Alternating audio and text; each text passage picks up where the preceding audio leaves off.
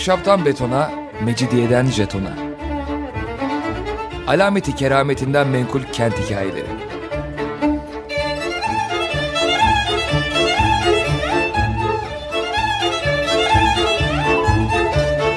Hazırlayan ve sunan Pınar Erkan.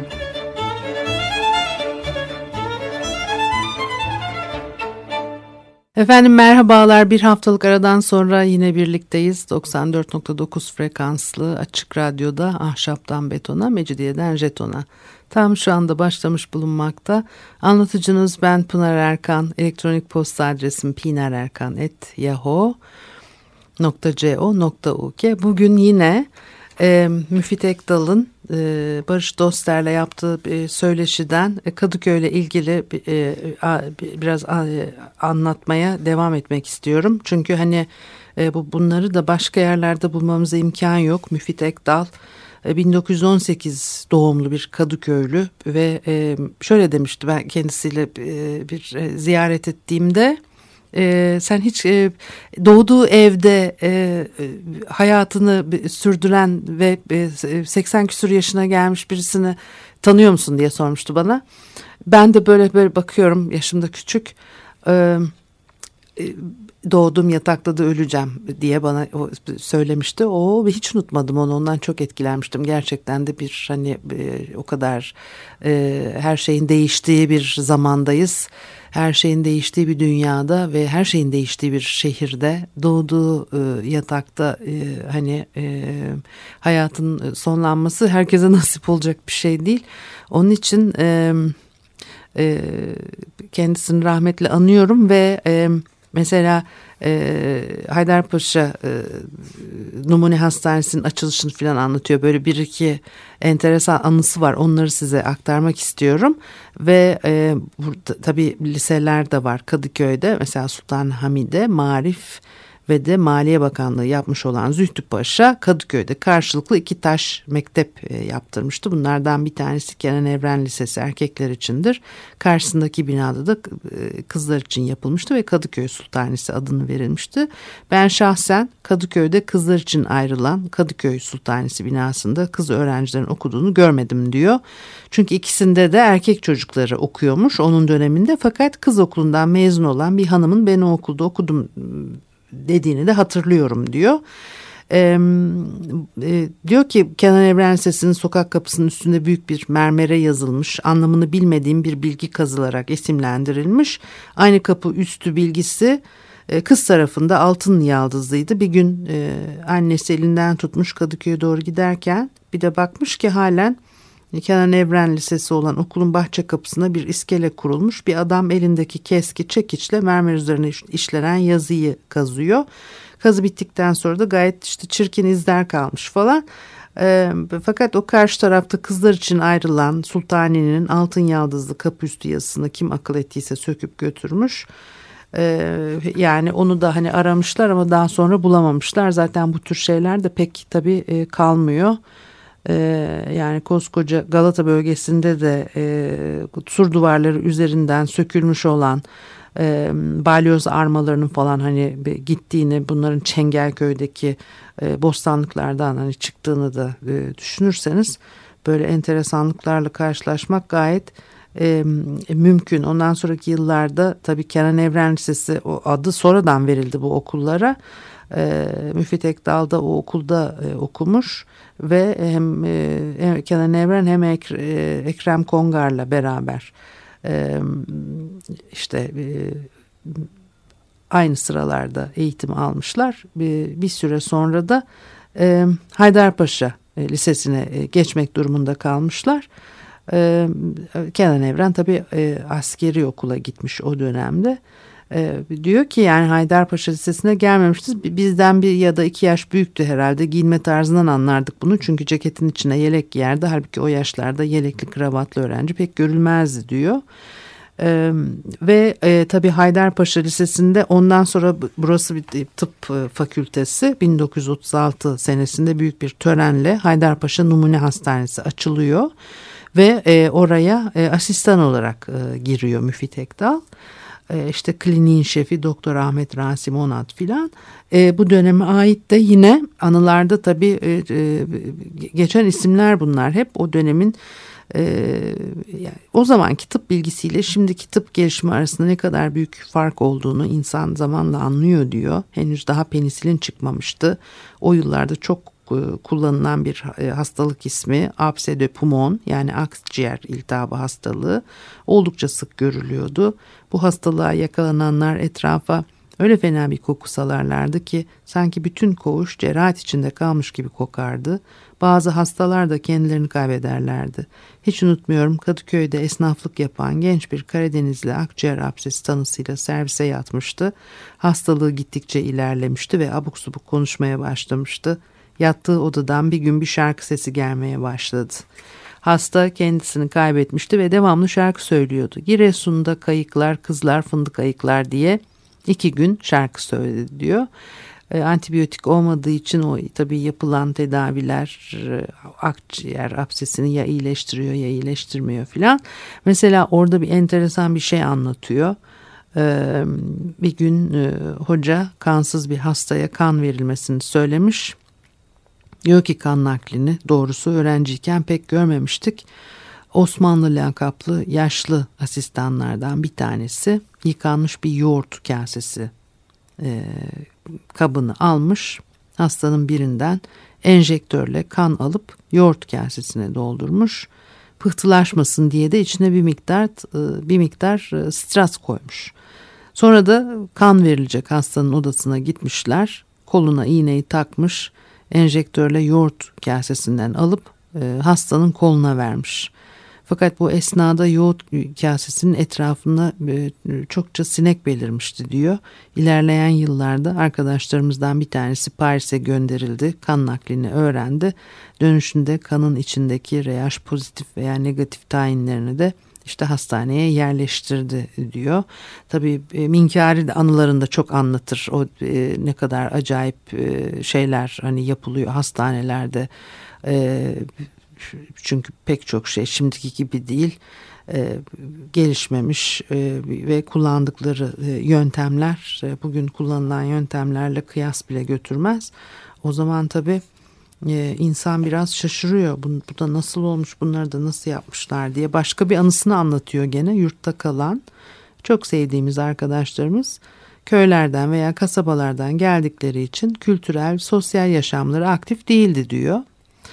Ee, İstanbul'da sosyal etkinlikleri çok fazla yok. Tanıdıkları yok çünkü.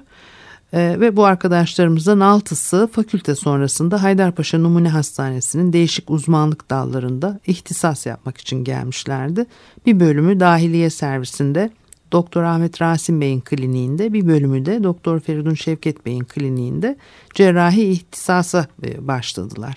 Yurttaki e, işte e, hayatlarını Haydarpaşa e, Numune Hastanesi'nin e, servislerinde sürdürürlerdi diyor ve sosyal hayatlarının dışına da pek çıkamıyorlar. E, e, genellikle hemşerileriyle e, e, beraber geziyorlar. E, e, işte yurttaki arkadaşlarıyla birlikteler. Yani sosyal hayatlarının dışına çıkamıyorlar. Tabii kötü bir cümle oldu ama hani kastettiğim şey o. Bir gün e, diyor ki bu arkadaşlarımdan Dahiliye servisinde ihtisas yapmakta olan çok sevdiğim biri sabahleyin Doktor Ahmet Rasim Bey'in vizitinde şöyle bir olay yaşadı. Yaşlı bir kadın karnında gazının çok olduğunu söyleyerek tuvalete çıkamamaktan şikayet etti. O yatağa bakan arkadaşımıza da hocamız bu hastaya sen laman agarda yap dedi. Gerçekten o yıllarda agar isimli bir maddeden ve müsil olarak e, bağırsak ilaçları veriliyordu. Vizit bitti, e, yemek yendi. Öğleden sonra saat 3 sıralarında bu arkadaşımı Lavmanagar'da yapılacak olan yaşlı kadının yanına almış. E, tenkiye aleti elinde marpucunun hortumunu boynuna dolamış halde gördüm. Kadıncağıza teyzecim aşağı ineceğiz diyordu. Hasta kadınsa evladım ben bu merdivenleri inemem diye ayak sürüyordu. Fakat arkadaşımız ısrar ediyordu. O zamanlar tek bir kat asansörü bile yapılmamıştı. Arkadaşıma neden ısrar ediyorsun bu yaşlı hastayı merdivenlerden indirmeye diye sordum. O da bana sabahleyin hoca gardende laman yap dedi ya şeklinde yanıt verdi. Laman Agarde'yi kendisine izah ettim. E, hastanenin önündeki çayırda e, kadıncağızı lavman yapılmaktan kurtardım diyor. Yani e, tabii çok büyük yokluklar şimdi böyle gülümsüyoruz bunları okuyunca filan ama ne kadar büyük zorluklar içerisinden e, yetiştiklerini gördüklerini anlıyoruz. Bir müzik arası verelim ondan sonra ben size e, Hürkuş, Vecihi Hürkuş'tan da söz etmek istiyorum biraz.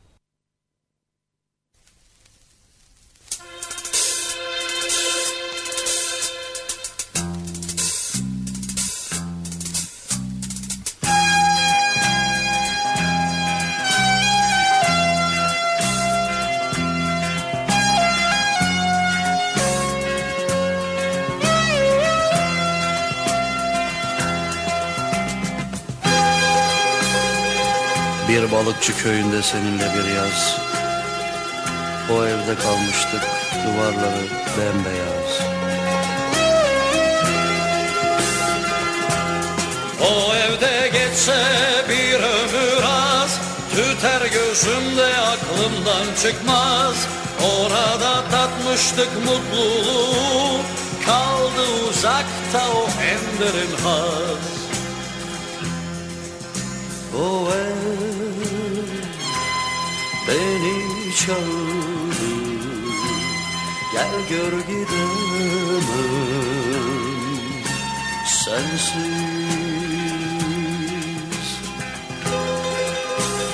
Tavandan sarkan balıkçı ağları Yemeğimizi paylaşan o küçük kedi Gözümün önünde Daha dün gibi.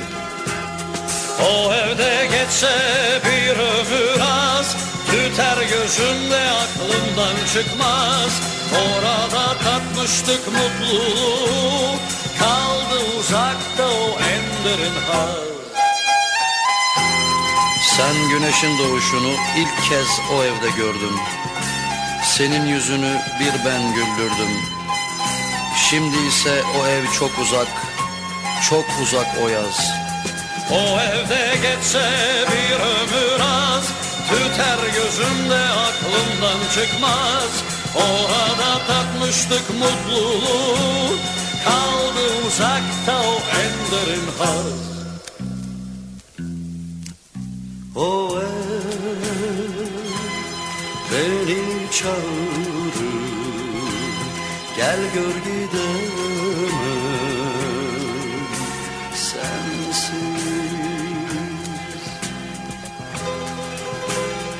Hatırladın mı? O balıkçı köyünde seninle bir yaz. Küçücük bir evde kalmıştık, duvarları bembeyaz. O evde geçse bir ömür az, tüter gözümde aklımdan çıkmaz. Orada tatmıştık mutluluğu, kaldı uzakta o en derin haz. O evde geçse bir Tüter gözümde aklımdan çıkmaz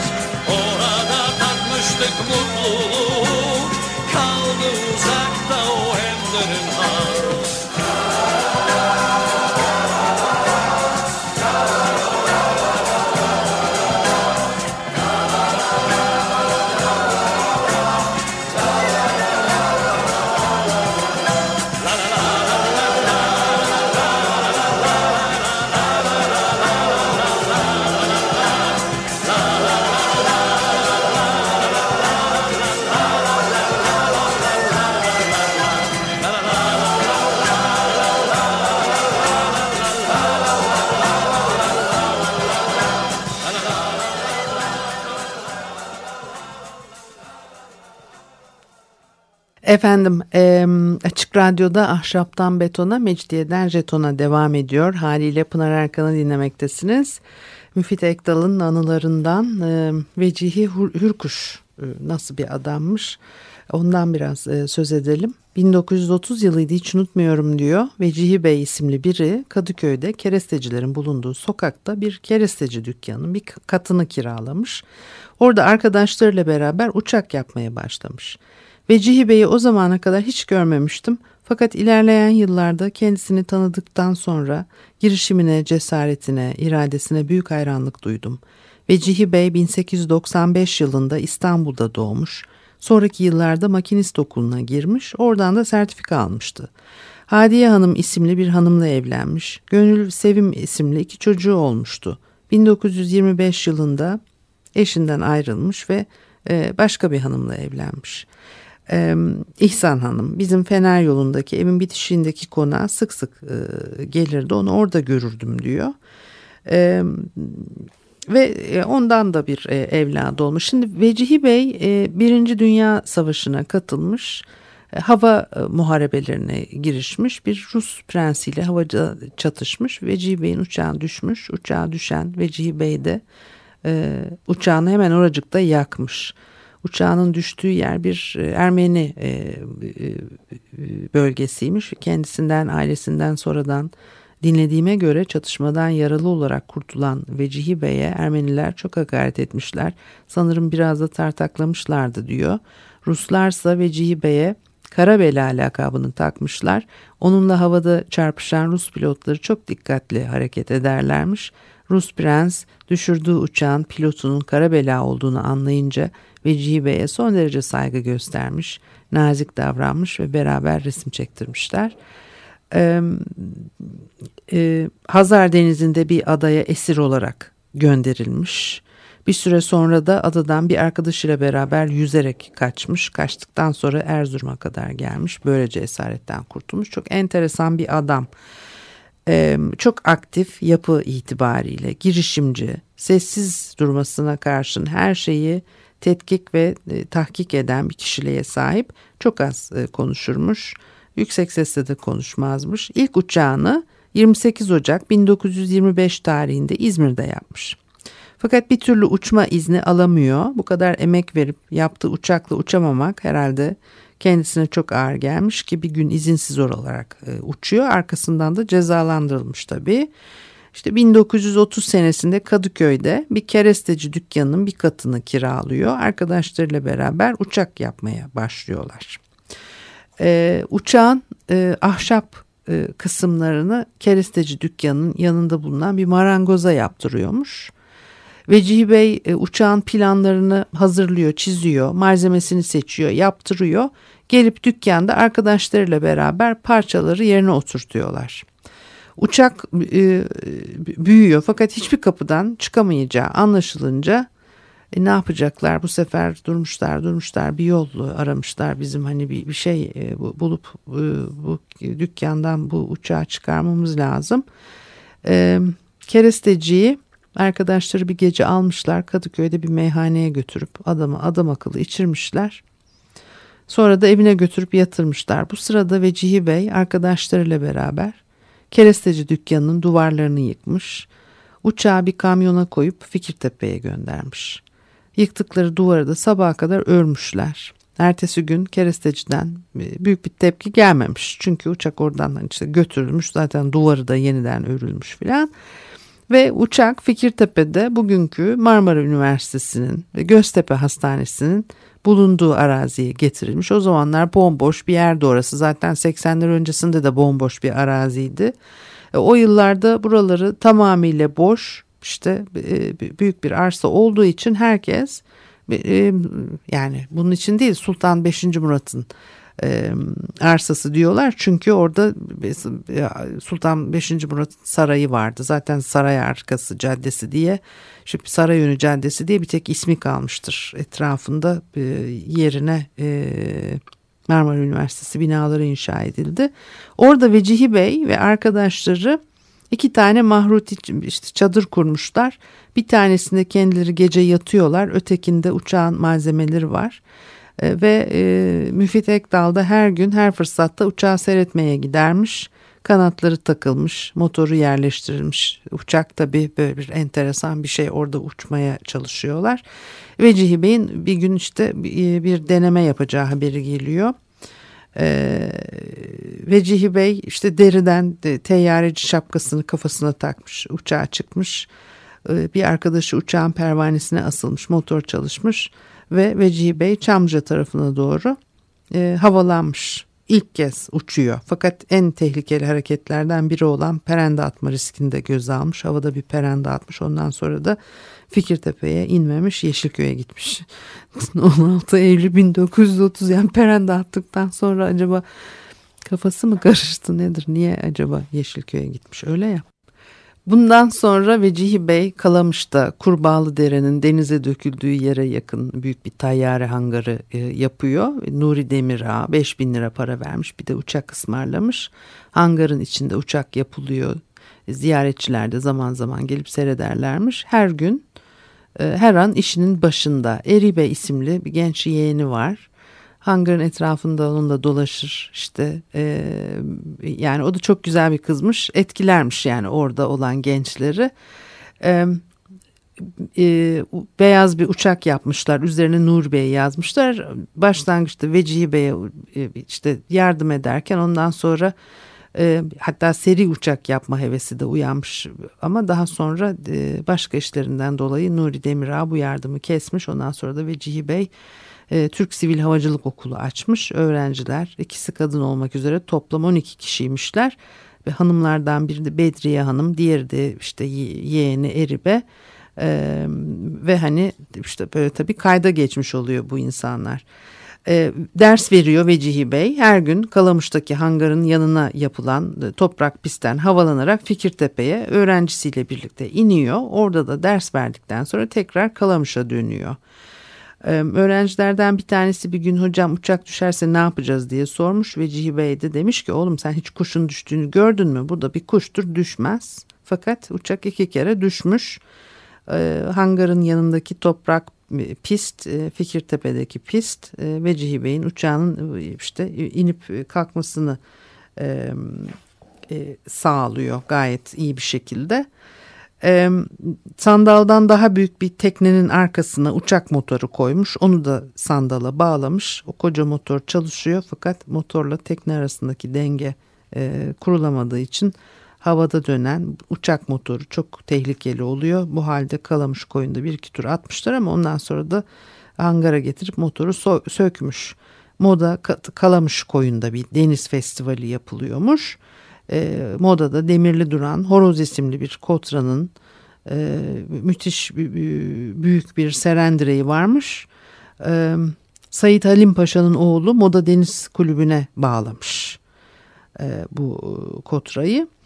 Ee, ve Deniz Festivali'ni seyretmek için Atatürk'te Moda Deniz Kulübü'ne gelmiş. O sırada tekneler koyda vızır vızır dolaşıyor ve Cihi Bey de uçağıyla havada gösteriler yapıyor. İşte ne oluyorsa oluyor ve Cihi Bey bu horoz isimli kotranın seren direğine çarpmış. Direk kırılmış. Uçakta Moda Deniz hamamlarından birinin ilerisine düşmüş.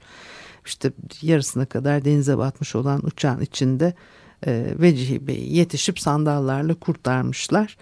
Yani tabii neyle geçindiği de enteresan. E, soyadı kanunu çıkınca Hürkuş soyadını almış. Her şeyini uçağa, uçak yapımına harcamış. E, bir mali sıkıntı içerisinde e, kızı Gönül Hanım anlatmış bunu da Müfit Ekdal'a.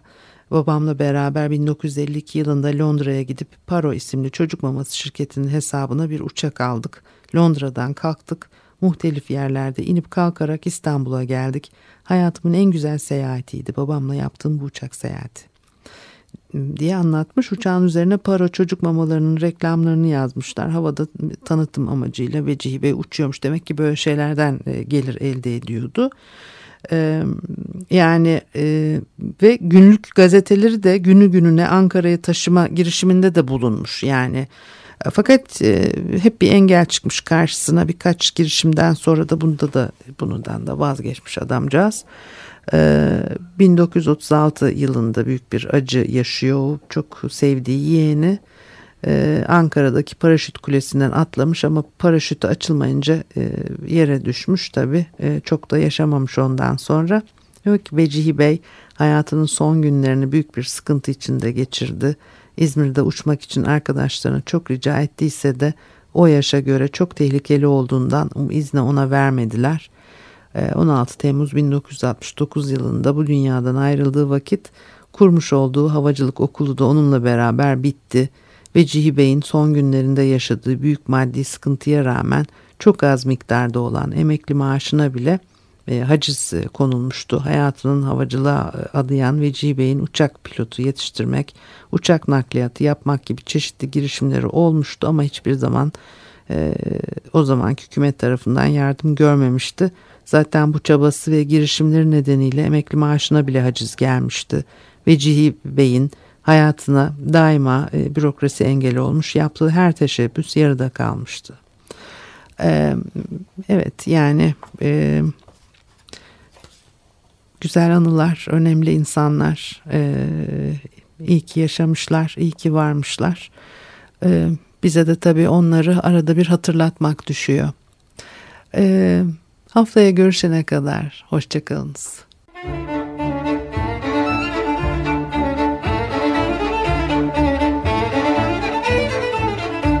Ahşaptan betona, mecidiyeden jetona.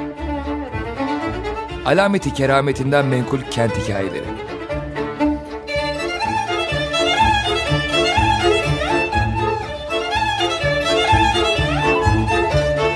Hazırlayan ve sunan Pınar Erkan.